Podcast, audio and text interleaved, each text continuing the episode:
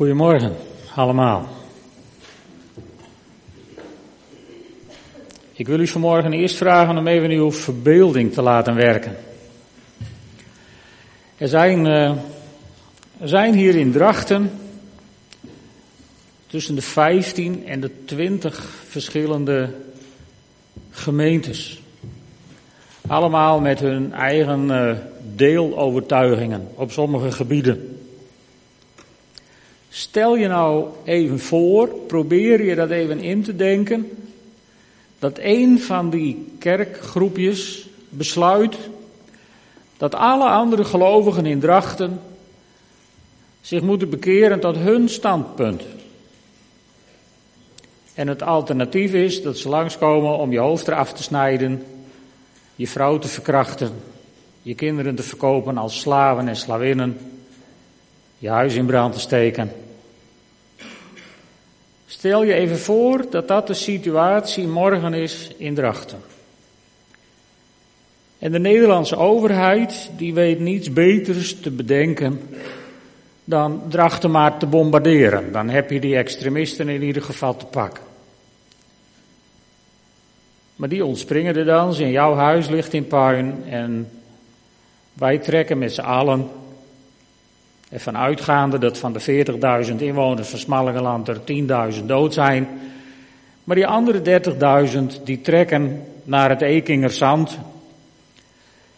En daar krijgen wij een tentje, tenminste voor wat er voor door kan gaan. Daar zitten we in het zand. Niks te verbouwen. Je kinderen kunnen niet naar school. Er is voor jou geen werk. En dat kerkgenootschapje, dat rukt steeds verder op. En dan krijg je op een dag een uh, sms'je van de UNHCR, de vluchtelingenorganisatie, dat volgende maand de voedselvoorstrekking met 50% wordt gereduceerd. Dit is realiteit. Hè? Dat sms'je is 14 dagen geleden verstuurd. Maar er lopen ook mensen om in dat kamp die zeggen, joh, weet je, in Overijssel, daar is het veel beter. Ja, je moet wel de IJssel over, maar daar zorgen wij wel voor. Kost 20.000 euro. Ja, maar ja, je hebt een vrouw en drie kinderen, dus daar kun je niet betalen. Eentje zou nog gaan. Ja, en dan heb je het daar eens over met je gezin. ja, één zouden we kunnen betalen. En, weet je, één, één op de vijf ongeveer haalt die reis niet. Dus de sterkste, die moet eigenlijk maar gaan. Dus de man uit het gezin in de kracht van zijn leven, die laat vrouw en kinderen achter. En die probeert in een badkuipje aan de overkant van de IJssel te komen. Daar staan ze klaar in Overijssel en dan roepen ze nou, dit zijn gelukzoekers.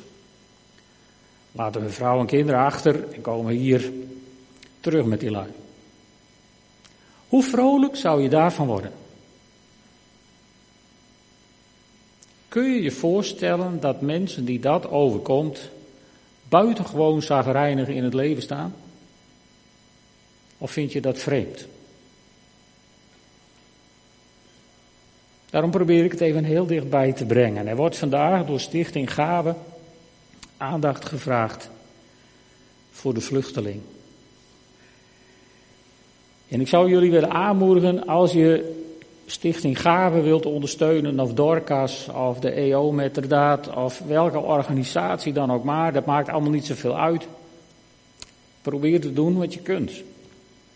En het is heel erg waarschijnlijk dat je de komende week de kans krijgt om heel praktisch dingen te gaan doen. In Drachten staat inmiddels een magazijn vol met tweedehands kleding en schoenen en spullen. Maar dat moet allemaal uitgezocht, gesorteerd worden. Dat gaat niet automatisch, namelijk dat moeten vrijwilligers doen. En ik, mensen die mij kennen weten dat ik al een paar jaar bij het Rode Kruis ben betrokken.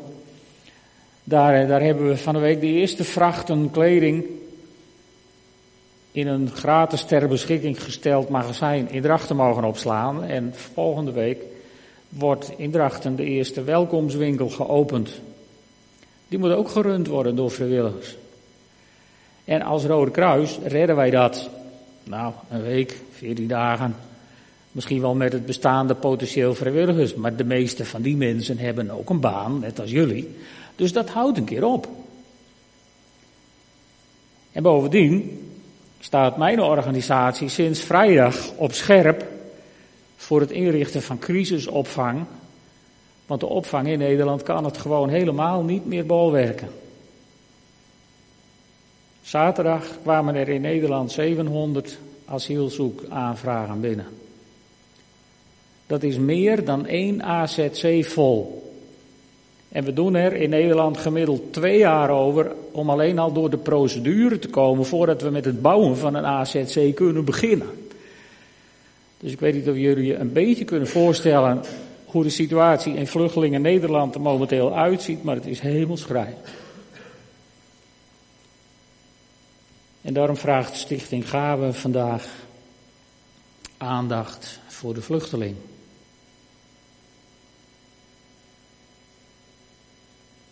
Dat om te beginnen. Laat het maar eens even in u omgaan en let goed op, want het kan best zijn dat ook onze afdeling diaconaat deze week wel een noodkreet gaat uitsturen. Bereid u er maar op voor.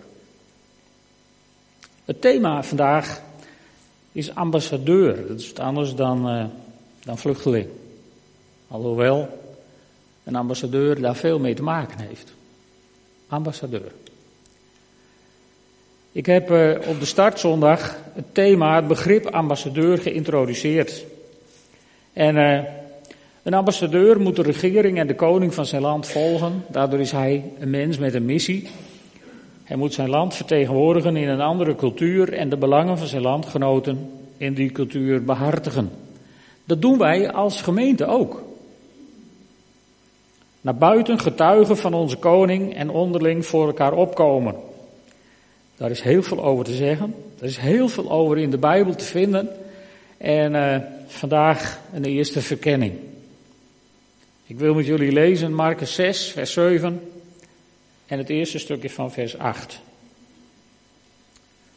En dan moet je even op de vet gedrukte woorden letten. Jezus riep de twaalf, dus zijn discipelen bij zich. En hij zond hen twee aan twee uit. Hij gaf hun macht over de onreine geesten. En hij droeg hun op. En dan komen er een hele aantal dingen, maar daar wil ik het nou vanochtend net niet over hebben. Het gaat even over deze vier werkwoorden. Hij riep ze, hij zond ze, hij gaf ze macht en hij droeg ze op. Waarom deze dingen? Nou, let op, het begint met het begrip roeping. En bij het begrip roeping hebben wij vaak hele verheven ideeën. En daardoor komen we makkelijk tot de conclusie dat het niet voor mij geldt.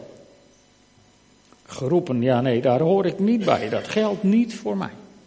Nou, let op. In Jesaja staat een profetie. Die is te gauw. Die. In Jesaja staat een profetie over de komende Messias. En er staan deze woorden. In gerechtigheid heb ik de Heer jou geroepen. Ik zal je bij de hand nemen en je behoeden. Ik neem je in dienst voor mijn verbond met de mensen. Ik maak je tot een licht voor alle volken. Profetie over de Messias. Dus dit gaat niet over mij. Maar de komst van Jezus, zijn lijden en sterven en zijn opstanding hebben ervoor gezorgd dat dit heel dicht bij je gekomen is. En daarvoor ga ik met je naar Romeinen 9. Daar staat, God heeft degenen die het voorwerp van zijn toren zijn en die hij heeft bestemd voor de ondergang met veel geduld verdragen, omdat hij zijn toorn ook wil tonen en zijn macht kenbaar wil maken. En omdat hij zijn overweldigende majesteit wil tonen, heeft hij degenen die het voorwerp zijn van zijn barmhartigheid ertoe voorbestemd om in zijn majesteit te delen. Het is niet aan ons om ons bezig te houden met degenen die het voorwerp van zijn toren zijn. Daar hebben we vaak wel de voorkeur voor in de kerk.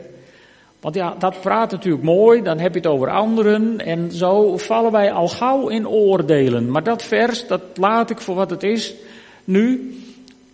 Want in dat volgende vers gaat het over degenen die het voorwerp zijn van zijn barmhartigheid. Nou, volgens mij zijn wij hier, onder andere, samen met vele anderen, het voorwerp van zijn barmhartigheid. Kun je daar wat mee? Of denk je van nou ik niet? Want dan is het pastoraat na de dienst, daar onder de trap in, in die zaal. Dan moet je daar vandaag wat mee doen. Je bent namelijk uitgenodigd in ieder geval om het voorwerp te zijn van zijn barmhartigheid. En dat gaat verder in, Rom, in Romeinen. Hen heeft hij ook geroepen. Ons namelijk. Dat moet je, in je Bijbel staat dat ook, ons. En ik heb het opgezocht, apart in, in, in de Griekse tekst, daar staat het ook, ons. Dus het is er niet tussen gewurmd of gevrommeld, dat staat er echt. Hij heeft ons geroepen, die niet alleen uit het Joodse volk afkomstig zijn, maar uit alle volken. Zoals ook bij Hosea geschreven staat, wat niet mijn volk was, zal ik mijn volk noemen. Wie mijn geliefde niet was, zal ik mijn geliefde noemen. Kijk even links van je of rechts, of kijk even achterom als je alleen zit. Doe even niet zo dwars, kijk even om. Of even naast je. Dat zijn allemaal mensen die God dus zijn geliefde noemt. Oh, dat is even schrikken, want er zitten sommigen tussen waarvan jij misschien hele andere ideeën had, of niet? Oeh, ja. En God noemt ze mij geliefde. Ja, dat zou ons moeten bepalen bij hoe we met elkaar omgaan. En waar tegen hen gezegd is, jullie zijn mijn volk niet, zullen ze kinderen van de levende God worden genoemd. Lieve mensen, je bent, als je ja hebt gezegd tegen het offer van Jezus, een kind van de levende God geworden. Hoe vind je die? Jullie zitten allemaal, wat zal wel kijken mij zo meer en meer wanhopig aan, maar het is zo hoor. Je bent een kind van de levende God geworden. En, en toen, ik, toen ik die tekst las, toen, toen kwam er een liedje bij me op en ik dacht, nou vanmorgen speelt de tienerband, laat ik voor enig contrast zorgen. Door met een liedje te komen uit Glorieklok. Dus wat anders.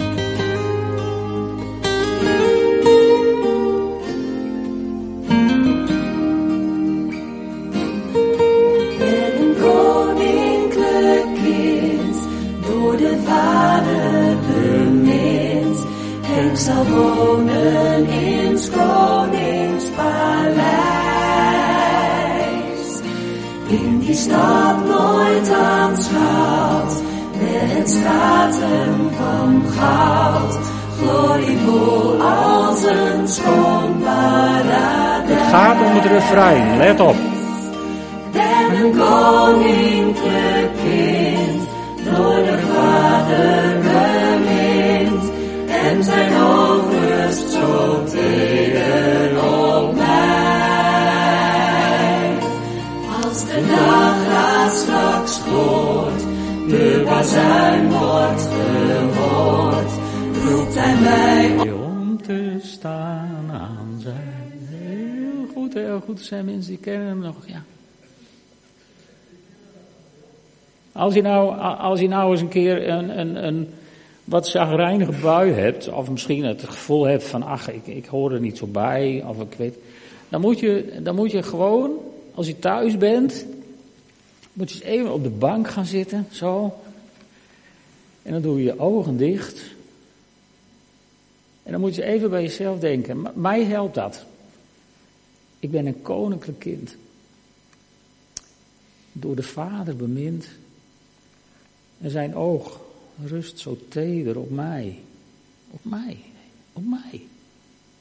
Op mij, hè? Heb je wel eens een baby in de arm gehad? En die even in zijn ogen gekeken.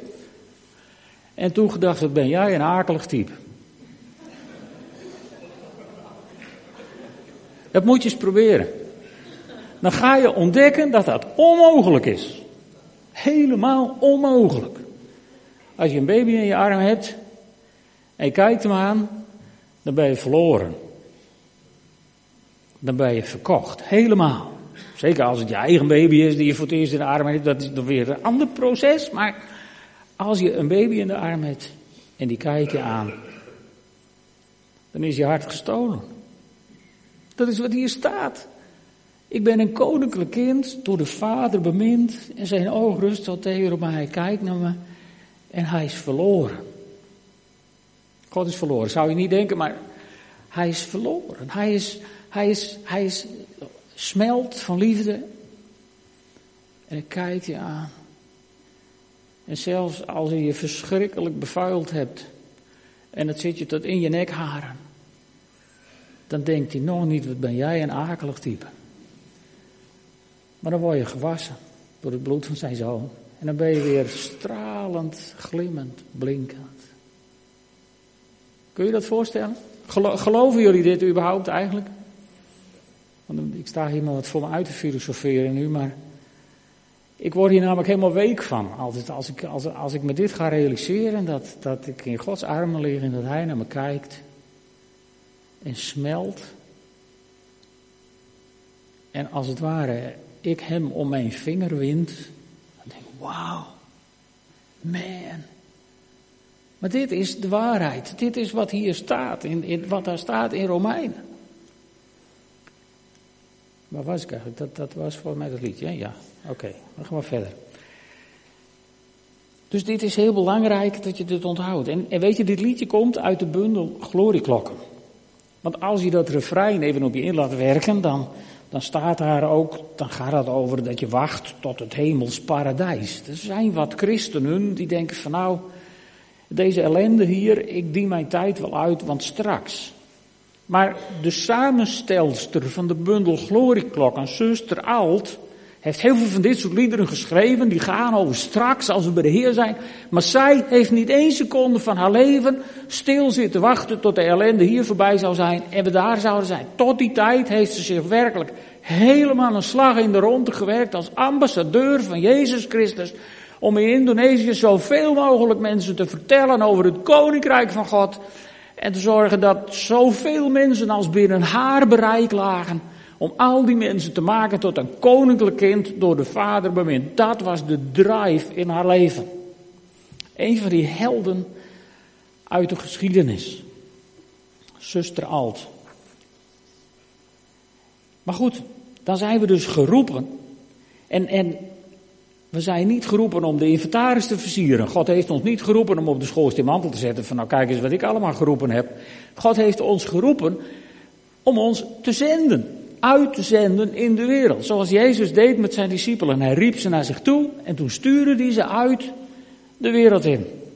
En dat, dat woord gezonden zijn eigenlijk, dat maakt ons tot apostel. Apostello betekent zenden en de apostelos is degene die gezonden is. In het Griekse woordenboek staat dat is een gemachtigde, een boodschapper, iemand uitgezonden met een opdracht. En dat is toegepast op de twaalf apostelen, later op andere christelijke leraars. Maar ten diepste is het op ons allemaal van toepassing. Wij zijn apostelen in deze wereld, gestuurd met een opdracht. En de eerste, ons groot voorbeeld, de eerste gezondene in de nieuwe bedeling in het Nieuwe Testament is Jezus Christus. En die getuigt daar zelf van als hij in Nazareth aan het begin van zijn bediening de boekrol opent en dan leest hij uit Jesaja 61 vers 1. En dan leest hij, de geest van God, de Heer rust op mij, want de Heer heeft mij gezalfd om aan armen het goede nieuws te brengen, heeft hij mij gezonden. Om aan verslagen harten hoop te bieden. Om aan gevangenen hun vrijlating bekend te maken en aan geketenden hun bevrijding. Wauw, dat was Jezus. Maar het bijzondere is dat Jezus dan ongeveer drie jaar later aan het eind van zijn bediening het hoge priesterlijk gebed bidt, vlak voordat hij gevangen genomen en gekruisigd zal worden. En dan, dan bidt hij, eigenlijk praat hij met God, met zijn vader, en dan kijkt hij naar zijn discipelen en hij zegt, ik stuur hen naar deze wereld, zoals u mij naar deze wereld hebt gestuurd. En dan, dan is de vraag die bij je boven mag komen is, hoe zat dat ook alweer? Hoe heeft hij zijn zoon naar deze wereld gestuurd. Nou, daar wil ik je even mee terugnemen naar een paar teksten die we al hebben gehad. Want zo is Jezus naar deze wereld gestuurd. In gerechtigheid heb ik de Heer jou geroepen. En Jezus zegt, zoals de Vader mij naar deze wereld gestuurd heeft, stuur ik jou naar deze wereld. Dus in gerechtigheid heeft God jou geroepen. Hij neemt je bij de hand. En dan loop je dan naast je grote vader. En die zegt, ik neem je in dienst voor mijn verbond met de... Ik? Ja, ja, ik, ja. In dienst voor mijn verbond met de mensen. Ik maak je tot een licht voor alle volken. Aan de hand van God. Een licht zijn voor alle volken. Stel je even voor. En dan, het wordt nog veel leuker, aan de hand van God. En dan zegt de Vader tegen je, mijn geest rust op je. Wauw, op mij? Ja, op mij, ja. Ja, op mij, ja. Want de Heer heeft mij gezalfd, gezalfd met, met olie. Hè. Voel, voel je het op je hoofd, voel je, voel je in je handen, zeg maar, de olie van je vingers druipen van de zalving die God op jouw leven heeft gelegd. Want het is zo. Het is zo. En, en waarom heeft hij dat gedaan? Om aan armen het goede nieuws te brengen. Om verslagen hart en hoop te bieden. Om aan gevangenen hun vrijlating bekend te maken. En aan geketenden hun bevrijding. En zie je nou dat dat helemaal niet eng is? Want je loopt aan de hand van de Vader. En zo loop je aan de hand van de Vader door dit leven. Om vooral die mensen die je tegenkomt leuke dingen te doen. Wie zou dat nou niet willen? Toch kunnen wij daar soms zo, zo, zo scheiterig in zijn. Hè? Dat, want dan vinden we dat ineens eng. Maar, maar ik weet niet of jullie je nog herinneren hoe het vroeger was aan de hand van je vader. Aan de hand van mijn vader durfde ik alles. Als vader er niet was, was ik wat minder moedig. En volgens mij is het met de meeste kinderen zo. Aan de hand van hun vader, ja, ja, nee, dan ben je een hele kerel. Maar alleen in de wereld, dat is een ander verhaal. Maar weet je, deze opdrachten van God, die doe je niet alleen. Je bent niet alleen in de wereld. Want God zegt, ik heb je bij de hand genomen. Ik ga je behoeden. En aan mijn hand ga je, ga je armen goed nieuws brengen. En je gaat mensen die verslagen van hart zijn, die ga je zeggen, joh, geef ook je hand aan de Vader. Doe maar. Want je bent een koninklijk kind, door de Vader bemind en zijn ogen rust zo teder op jou. Wauw. Man, wat een leven. Dat is helemaal niet griezelig. Want je bent aan de hand van de Vader. En, en, wat we ook hebben gezien, is, is dit stukje. De geest van God, de Heer rust op mij, want de Heer heeft mij gezalfd. Weet je, dat, dat betekent, betekent in die tijd de mensen die dat voorgelazen kregen van Jezus, die, die snapten wat daarin zat. Tegenwoordig word je, word je aangesteld, krijg je een deftige aanstellingsbrief ergens voor en voor sommige ambten word je zelfs beëdigd. Maar in die tijd werd je voor speciale posities werd je gezalfd. Werd de olie over je hoofd gegoten, werd er voor je gebeden en kreeg je de handen opgelegd. Je werd, je werd aangesteld. Dus, dus als de Bijbel zegt, de geest van God rust op mij, want de Heer heeft mij gezalfd, dan betekent dat dat de, de Heer je heeft aangesteld.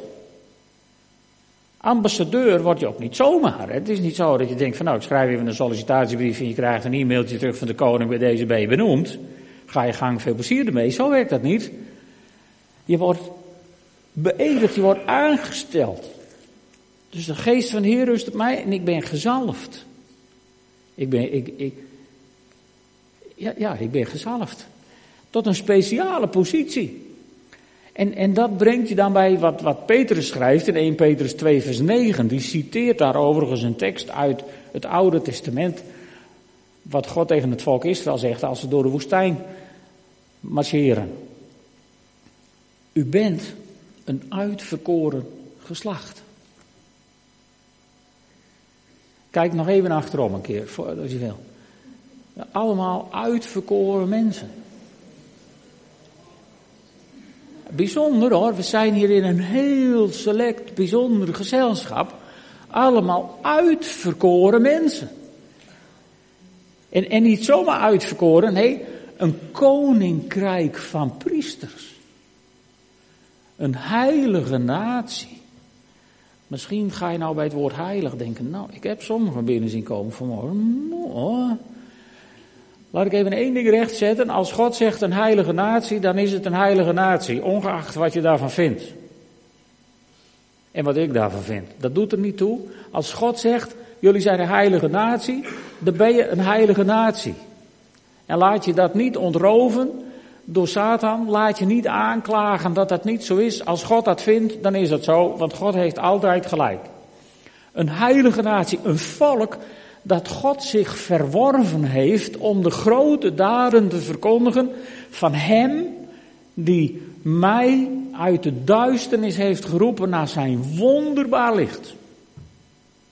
Ben jij uit de duisternis geroepen naar zijn wonderbaar licht? Nou, iedereen zit maar, okay, dat weet ik eigenlijk niet. Jullie weten het toch wel beter, of niet? Dat weet je toch, dat dat zo is? Dat geloof je toch, daar, daar, dat is toch het, het fundament van, van, van je christelijk bestaan? Je bent geroepen uit de duisternis naar het wonderbare licht van God. En wat gaat daar dan met je gebeuren? Nou, daar zegt Paulus hele bijzondere, geweldige, indrukwekkende dingen over. Want dan zegt hij, mogen uw hart verlicht worden, zodat u zult zien waarop u hopen mag nu hij u geroepen heeft.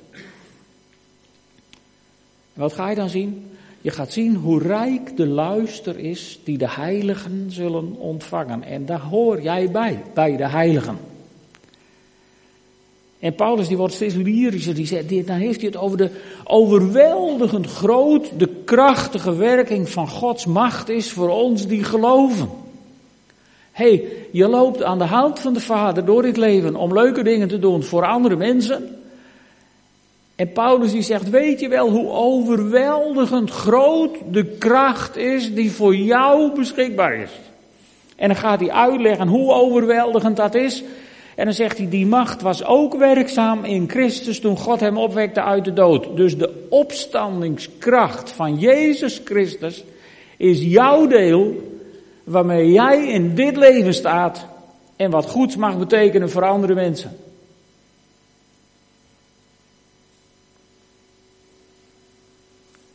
En hoog, of, opgewekt uit de dood, en hem in de hemelsferen een plaats gaf aan zijn rechterhand, hoog boven de hemelse vorsten en heersers, alle machten en krachten en elke naam die genoemd wordt, niet alleen in deze wereld, maar ook in de toekomstige. Daar zijn wij hoog boven verheven. Mijlen ver. Ontmoet je nog mensen die bang zijn voor de duisternis. Hoe stom kun je zijn? Daar is helemaal geen plek voor.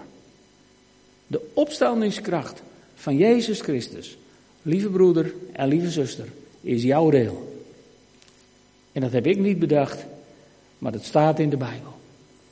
En ik daag je uit om de komende week daar eens over na te denken. En vanuit die zekerheid van die kracht in jou, dus te gaan leven. En dan zie je dat de discipelen niet alleen autoriteit hebben gekregen, ze staan ook onder autoriteit. Want in Marcus 6, vers 30 staat de apostelen kwamen weer terug bij Jezus en vertelden hem over alles wat ze gedaan hadden en wat ze de mensen onderwezen hadden. Dus ze komen voor een soort functioneringsgesprek automatisch, vrijwillig terug bij Jezus. Hoe zou het zijn als wij volgende week hier allemaal bij elkaar zouden zijn en allemaal naar voren zouden komen om te vertellen wat we in de kracht, in die overweldigende opstandingskracht van Jezus Christus met elkaar zouden hebben beleefd. Dan moeten we maar gaan preken in korte waarschijnlijk, maar hoe zou het zijn als we in die kracht zouden leven? Heb je daar, heb je daar wel eens over nagedacht?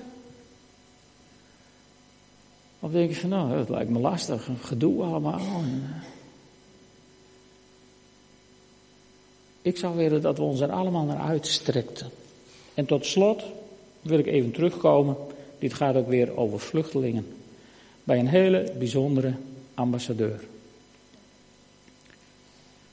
Dit las ik van de week in het Fries Dagblad. Dat heb ik even gegoogeld.